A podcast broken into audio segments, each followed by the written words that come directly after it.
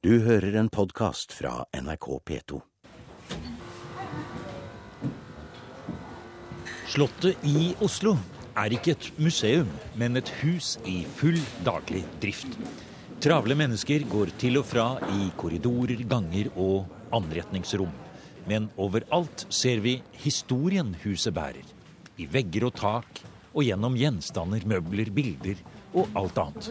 Skattejakt. Altså etter hvert som vi ser eh, hvordan tingene henger sammen, og, og, måten vi legger det inn på en database nå, gjør det søkbart. Men det som er morsomt er jo at det er helt upløyd mark. Det er jo ingen som har jobbet med dette her før. Så vi er, vi er jo første som er, er på.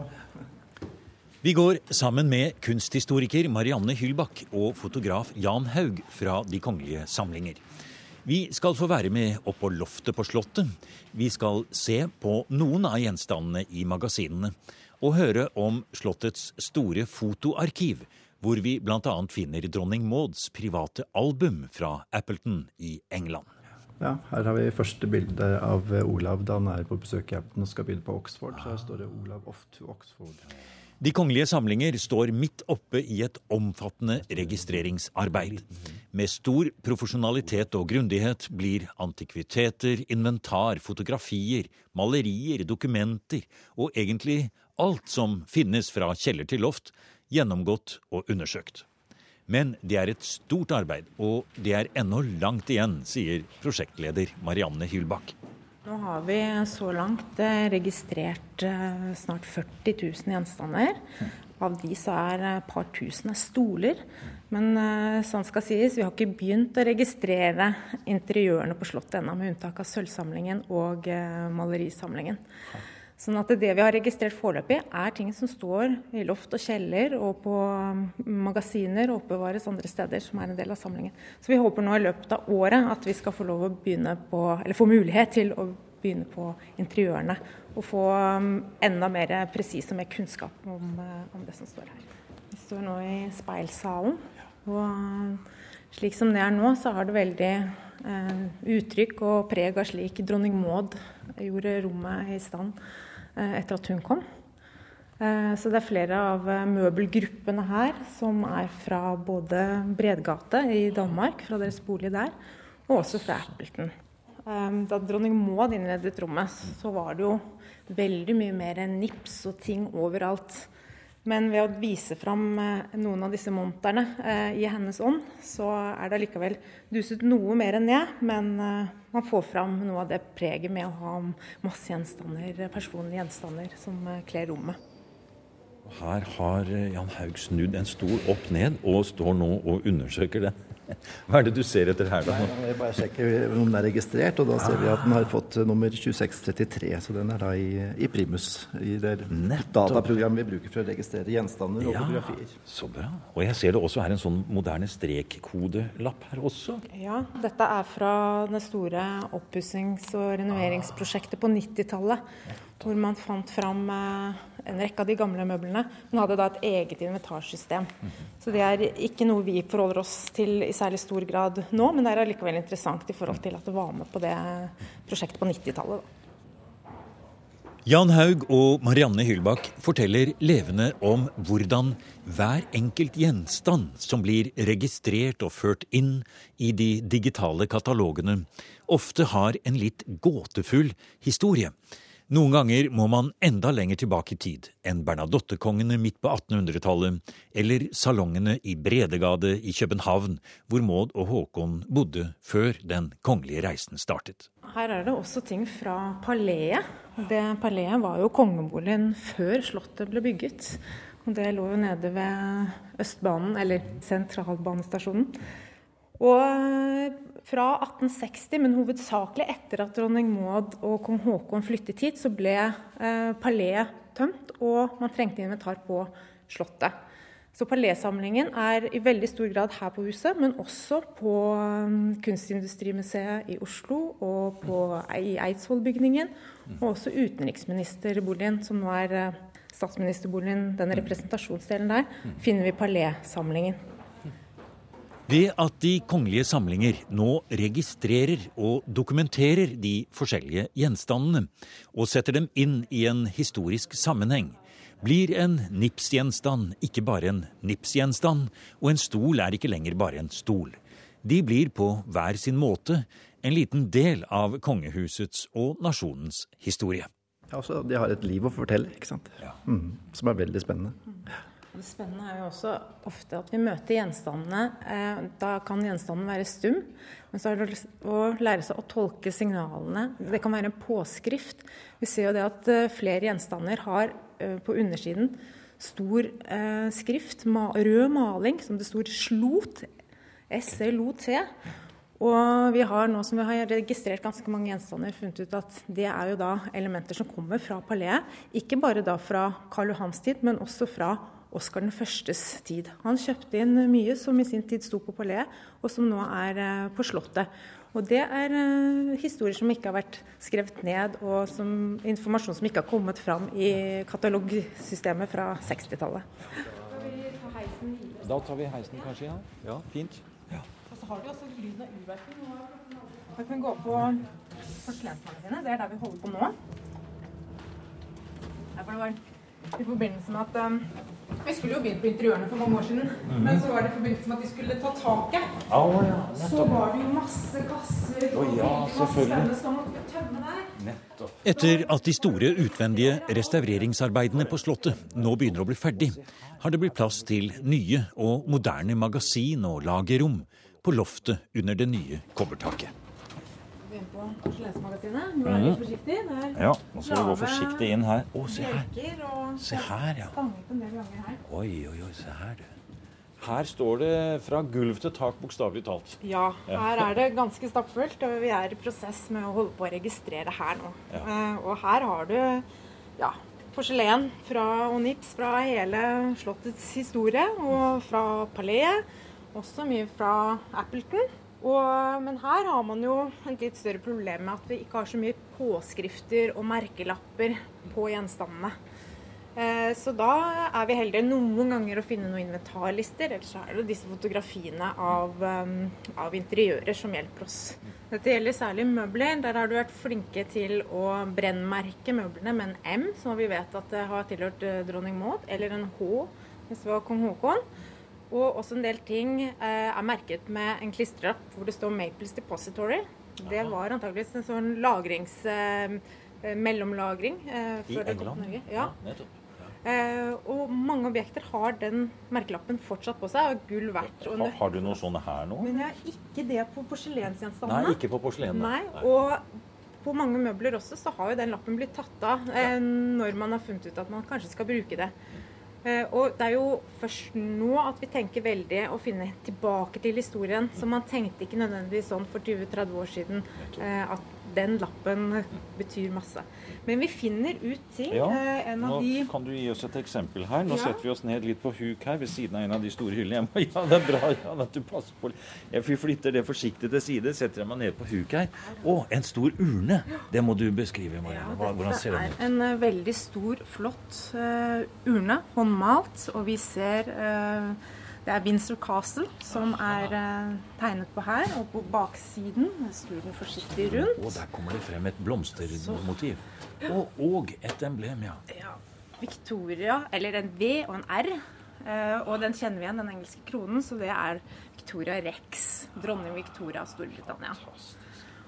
Og uh, vi kan se på nummeret her. Den ble registrert i sin tid, men ingen opplysninger om innkomst. Nei. Men vi kan jo ut ifra monogrammet og stilen og stempelet datere den cirka. Eh, men vi visste da ikke hvordan den var kommet inn. Eh, Victoria var jo bestemoren til eh, dronning Maud. Så vi vet jo at det var en eller annen link, men om den var arvet eller om den var gitt i gave, det visste vi ikke da denne ble registrert. Det sto heller ikke på det katalogkortet fra 60-tallet. Eh, men for noen dager siden så kom vi over noen bilder som vi hadde digitalisert for en stund siden. Hvor det var eh, et engelsk magasin som har gjengitt tegninger av en del av gavene. Og dette er da bryllupsgave til eh, kong Haakon, altså da prins Charles og prinsesse Maud. Fra eh, bestemor eh, dronning Victoria. Så da falt plutselig en viktig brikke på plass. Og det, det som er morsomt nå også, er jo at bare de årene vi har holdt på nå, eh, så har vi funnet flere spennende bryllupsgaver som da ikke har vært satt inn i sammenheng før. En annet eksempel. Det er ikke bare porselen her inne. Nei. Eh, får, Jeg ser det er mye lamper her. Ja, dette er store lamper som har Og vært se her, og klokker, ja. Å, hva er dette? Nips. Nips i store mengder. Her òg er en av de spennende sakene Å, som ikke har blitt registrert. En trekiste, Det er en eikekiste. Nydelige utskjæringer. Kunsthistoriker Marianne Hylbakk ved De kongelige samlinger viser fram den ene gjenstanden etter den andre i de nye magasinrommene på loftet på Slottet. Det er omtrent så hver eneste gjenstand, fra parafinlamper til sjelden porselen, eksklusive sølvgjenstander, nipsgjenstander fra dronning Maud, bryllupsgaver, kong Olavs kikkert eller to blå vaser kammerherre Bernt Anker kjøpte til Paleet for 300 år siden, kunne fortjene sitt eget program. Og hele tiden kommer det fram nye funn, eller vi får vite helt nye ting om gjenstander som kanskje tidligere har vært feilregistrert. Ta eksempel denne marmorkrukken, sier Hulbakk. Men den har stått mange år på Oscars Å, hall. se på den, du. Ja. Det er kongekronen på toppen. Og dette er en tobakksurne i marmor. Men historien rundt den, den har vært dårlig dokumentert. For da den ble registrert på 60-tallet, så ble den registrert som at den var laget i Sverige. Eh, Den er datert og signert på undersiden. Skal vi se, skal jeg... Her er det litt trangt. Skal vi se. Der skal vi sette den. Den har jo så mye detaljer og flott. Oi, Under er så står Å, se her, ja. Står det med store bokstaver her. ja, Arbeidet av G. Eriksen Mørstad, 1862. Har du sett, ja. Nummer 71. Og det er jo en veldig stor marmorblokk den er laget av også. ja, det er det. Og med flotte detaljer. Du ser her er det jo hugget ut så det skal imitere kurv. Og det er akantus brunt. Ja, jeg ser det. Bare- En perlekjede på en måte over. Ja. Og bare lokket her med, Med og eikeløv eikeløv, og eik. Så det, man skulle jo da tro at det var en profesjonell billedhugger som har laget denne. Mm. Um, men det er en fange. Han var satt, Hva er dette? han, det var en fange som satt på Akershus festning, dømt for falskmyntneri og mord, som uh, har uh, laget dette praktverket her. Har du sett det? Og det var um, historien rundt Og historien om marmorkrukken som havnet på Oscarshall en gang på 1860-tallet, stanser ikke der. Marianne Hylbakk har virkelig gått til kildene og funnet ut at G. Eriksen Mørstad ikke bare var en dødsdømt morder og falskmyntner, men også en så dyktig kunstner at han blir valgt ut av billedhugger Kristoffer Borch til å være med i hans kunstklasser for fangene på Akershus festning. Så denne tobakkskrukken er laget da i fangenskap, og i, mens da han er i skole hos Kristoffer Borch. Og eh, denne Eriksen Mørstad, han er jo da såpass talentfull, så han ble også plukket ut til å være den ene av to som lager løvene utenfor Løvebakken ved Det er en av løvebilledhuggerne også. Ja. Men hvordan kommer da kongehuset inn i den historien? Det har vi ikke funnet ut av ennå. Så mm, den har som sagt stått eh, Jeg vet ikke hvor lenge den har stått uh, ute på Oscarshall. Uh, den eh, ble registrert der på 60-tallet. Det kan være en del av Bernadotte-samlingen. Det var jo masse ting der under Oscar 2.s tid som senere ble flyttet til Folkemuseet. Men hvorfor den har stått der, og hvordan den har kommet inn, uh, det finner vi ut av etter hvert, håper jeg. Og kanskje kan det ha noe med saken å gjøre at Eriksen Mørstad ble benådet av kongen og fikk dødsdommen omgjort til livsvarig fengsel. Men uansett, sier Marianne Hylbakk, denne historien er et godt eksempel på at selve registreringsarbeidet kan bringe fram helt ny kunnskap om både gjenstandene og deres historie. Det er, eh, det er også å, er å gi dem en identitet og en inventarnummer, men også finne ut mest mulig av historien. Og det er også fordi at en av våre hovedoppgaver er å tildele eierskap til gjenstandene. Det er, eh, vi opererer med tre eierskapskategorier. Det er enten statens gjenstander, eller så er det kongens privatgjenstander, eller så er det kongen som statsoverhode. Og det som avgjør hvem som eier gjenstandene, er hvordan gjenstandene kom inn. Og da er det alt som var på paleet, alt som var på huset før 1905, det er statens eiendom. Og da er det jo ikke alltid at det står på. Det er ikke alltid vi er så heldige som eh, med denne urnen hvor det står palé. Men vi må da prøve å finne ut gjennom inventarlister, gjennom holdt på å si, omtrent lukte på gjenstandene og, og, se på bilder. Ja, lukte på gjenstanden. Ja, det er jo interessant at du sier, for det er jo faktisk et poeng, det. Fordi man, man kan man, man, utvikler vel kanskje en eh, kompetanse på mange områder som ikke bare er det å beskrive og se, men det er denne følelsen, det er denne, hadde jeg på nær sagt det uten å virke majestetsfornærmende, men det er lukten av måd. Ja, det har vi har opplevd det når vi holdt på med kasser her på loftet i forbindelse med dette takprosjektet som vi måtte tømme. Og da var jo det kasser som ja, delvis var pakket ned på begynnelsen av 90-tallet, men også lenge før det. Og da, når man holder på med dette her en hel dag, og gjenstander til dronning Maud, om det er vifter, vesker, teaterkikkerter, så får vi denne her lukten av gammel parfyme, litt sigarettrøyk kanskje som gjør at eh, personen også måte, er til stede på flere måter. Fantastisk. Så da kan du si ved å åpne en sånn eske, og det strømmer opp mot deg en uh, symfoni av lukter, et, et potpourri, så tenker du det her må ha vært fra enten Appleton, Maud eller pakket ned på en bestemt sted. Ja, det er, det er jo ikke vitenskapelig å kunne men det er, en, det er, en, start i hvert fall. Det er en start, og vi, ofte så har vi for lite informasjon, sånn at vi må anta. Og da er det enten fingerspitzgefühlen, lukten, eh, sammenhengen eh, med andre gjenstander som det er pakket ned sammen med, som, eh, som hjelper oss i å, å, finne historien til gjenstanden. Her holder vi til. Der. Høyt oppunder taket på Slottet har de kongelige samlinger sine kontorer. Vi sitter helt oppe på loftet og har ja. Eh, utsikt over Da ser vi utover Slottsparken og Oslo utover. Kunsthistoriker Marianne Hylbakk viser fram gjenstander, bilder og fotografier. Det er et rent detektivarbeid å finne ut hvor en gjenstand, som har vært lagret kanskje i flere generasjoner, opprinnelig hørte til. Dette er sånn som vi jobber. Eh, da har vi bildet digitalt. Da er det litt lettere å se. Har du sett så flott. Dette er inne på Appleton. Ja. Dette er dronning Mauds eh, en av salongene på Appleton. Sett, ja. Det er nettopp ved å gå inn i sånne bilder og identifisere de små tingene, små nipsfigurene, mm. små skulpturene og møblene, mm. som gjør at vi finner informasjon. Det er utrolig hva vi finner av de små og som vi tror kanskje ikke er de viktigste gjenstandene, men som vi finner eh, at dronning Maud uh, har hatt et helt annet forhold til. Uh, små avisutklipp som hun har rammet til.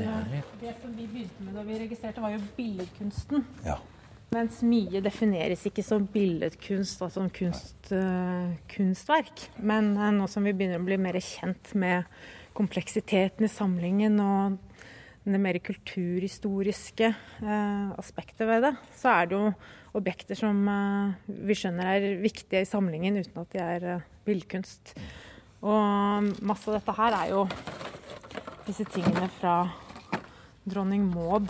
Eh, rett og slett reproduksjoner i Ja, nettopp. Og det er jo da ikke nødvendigvis objekt i seg selv, hvis vi ikke har historien. Mm. Mens eh, vi, det, ja. vi, ser jo ofte så er det jo baksiden som er mm. mer viktig for oss. Ja. Eh, og her ser vi at dronning Maud har der står det Maud, står det. Hun har skrevet på det. Maud, enten om det står 81 um, oh, Da var det hun var liten, ja. Ja, ja eller ungdom. Ja. Uh, og flere av disse her som hun har som er på en måte nesten sånn litt ubetydelig. Se et bitte lite trykk nesten fra ja. nesten kunne tro fra et illustrert ukeblad eller noe sånt. Ja, ja, det er rett og slett uh, utklipp som hun har ja. likt, uh, eller laget utklipp av. En liten lyseblå ramme. Jo, Hva står det bak på den? da? Står det Maud der? Maud. Og, um, dette er jo ting som vi kjenner igjen på noen av disse interiørfotografiene fra Appleton.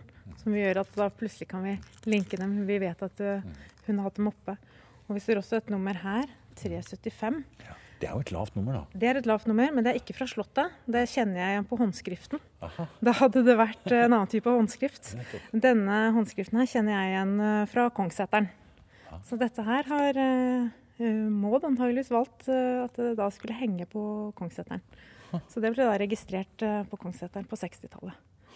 Så det er også sånn vi finner ut av gjenstanden. Det er um, Jeg har jo nevnt uh, at det kan stå palé på tingene, men også denne store rødfarven som um, det står slått på, som vi da nå har skjønt det er jo fra paléet. Men også disse håndskriftene i forhold til når og hvor ting er registrert. Det er, uh, det er en del av det arbeidet som, uh, som, vi gjør, og den kompetansen vi har bygget opp gjennom de tiende årene vi har holdt på med, og de 40 000-50 000 registreringene vi har gjort etter hvert. 40 000-50 000 registreringer, sier prosjektleder Marianne Hyllbakk. Og det gjelder ting som møbler, malerier, sølv og andre fysiske gjenstander. Men her har vi kommet inn i Det kongelige hoffs fotoarkiv, hvor fotograf Jan Haug fyrer opp fire-fem servere og dataskjermer. Det trengs. For, sier Haug, her har digitaliseringen foregått for fullt i flere år. Så det jeg gikk på først, det var eh, å sortere alle fotoalbumene som vi fant rundt på hele Slottet, eller alle andre eiendommer.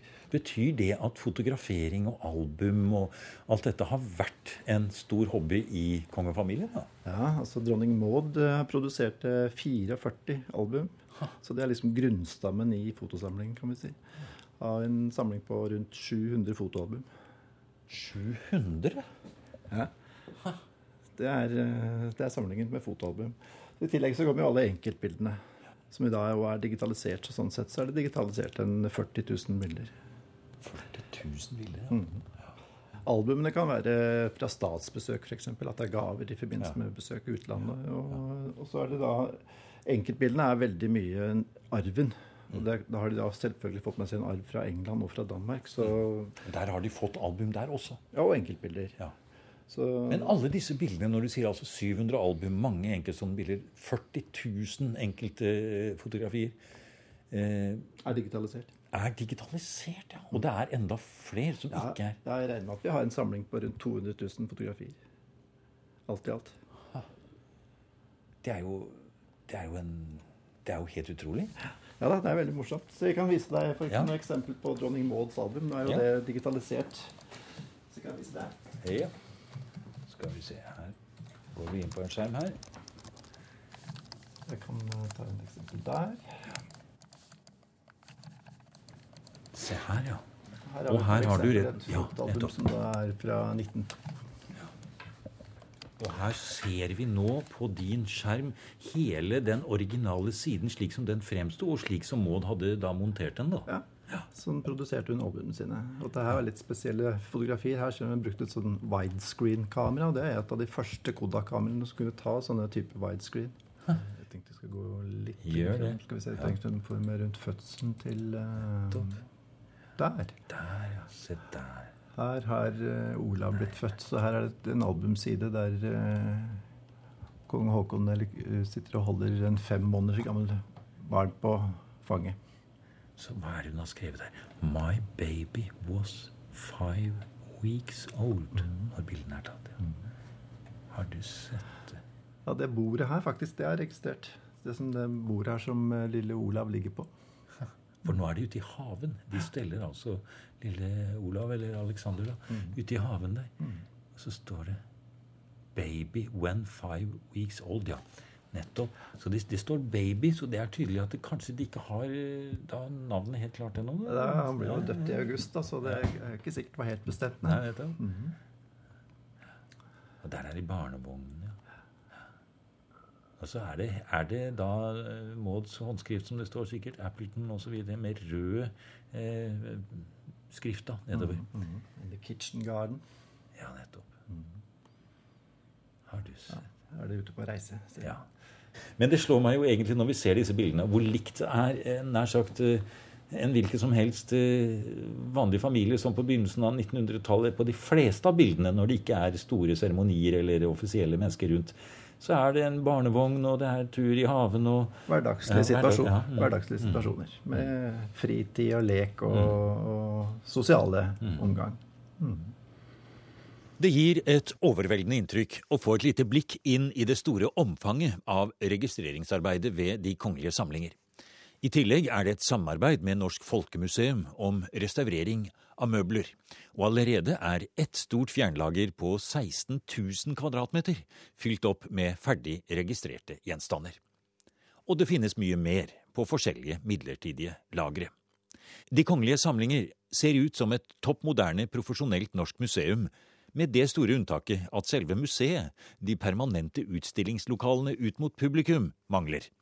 Men det er et spørsmål vi lar ligge i denne omgang. Kanskje blir dette den neste store museumssaken i Oslo. Inntil videre får vi bare konstatere at samlinger, kompetanse og ekspertise er på plass. Ja, det har blitt sånn de siste ti årene. Så har vi blitt en, en stab med kunsthistorisk bakgrunn og med ulike museumserfaringer. Så det gjør at arbeidet nå er på et helt annet nivå enn, det har vært tidligere. Og, men vi ser også at forventningene også uh, følger deretter. Um, men det er jo um, bare spennende og morsomt. Og det gjør jo også givende at man nå kan dele litt av disse hemmelighetene og disse skjulte skattene og den kunnskapen vi bygger opp. Du har hørt en podkast fra NRK P2.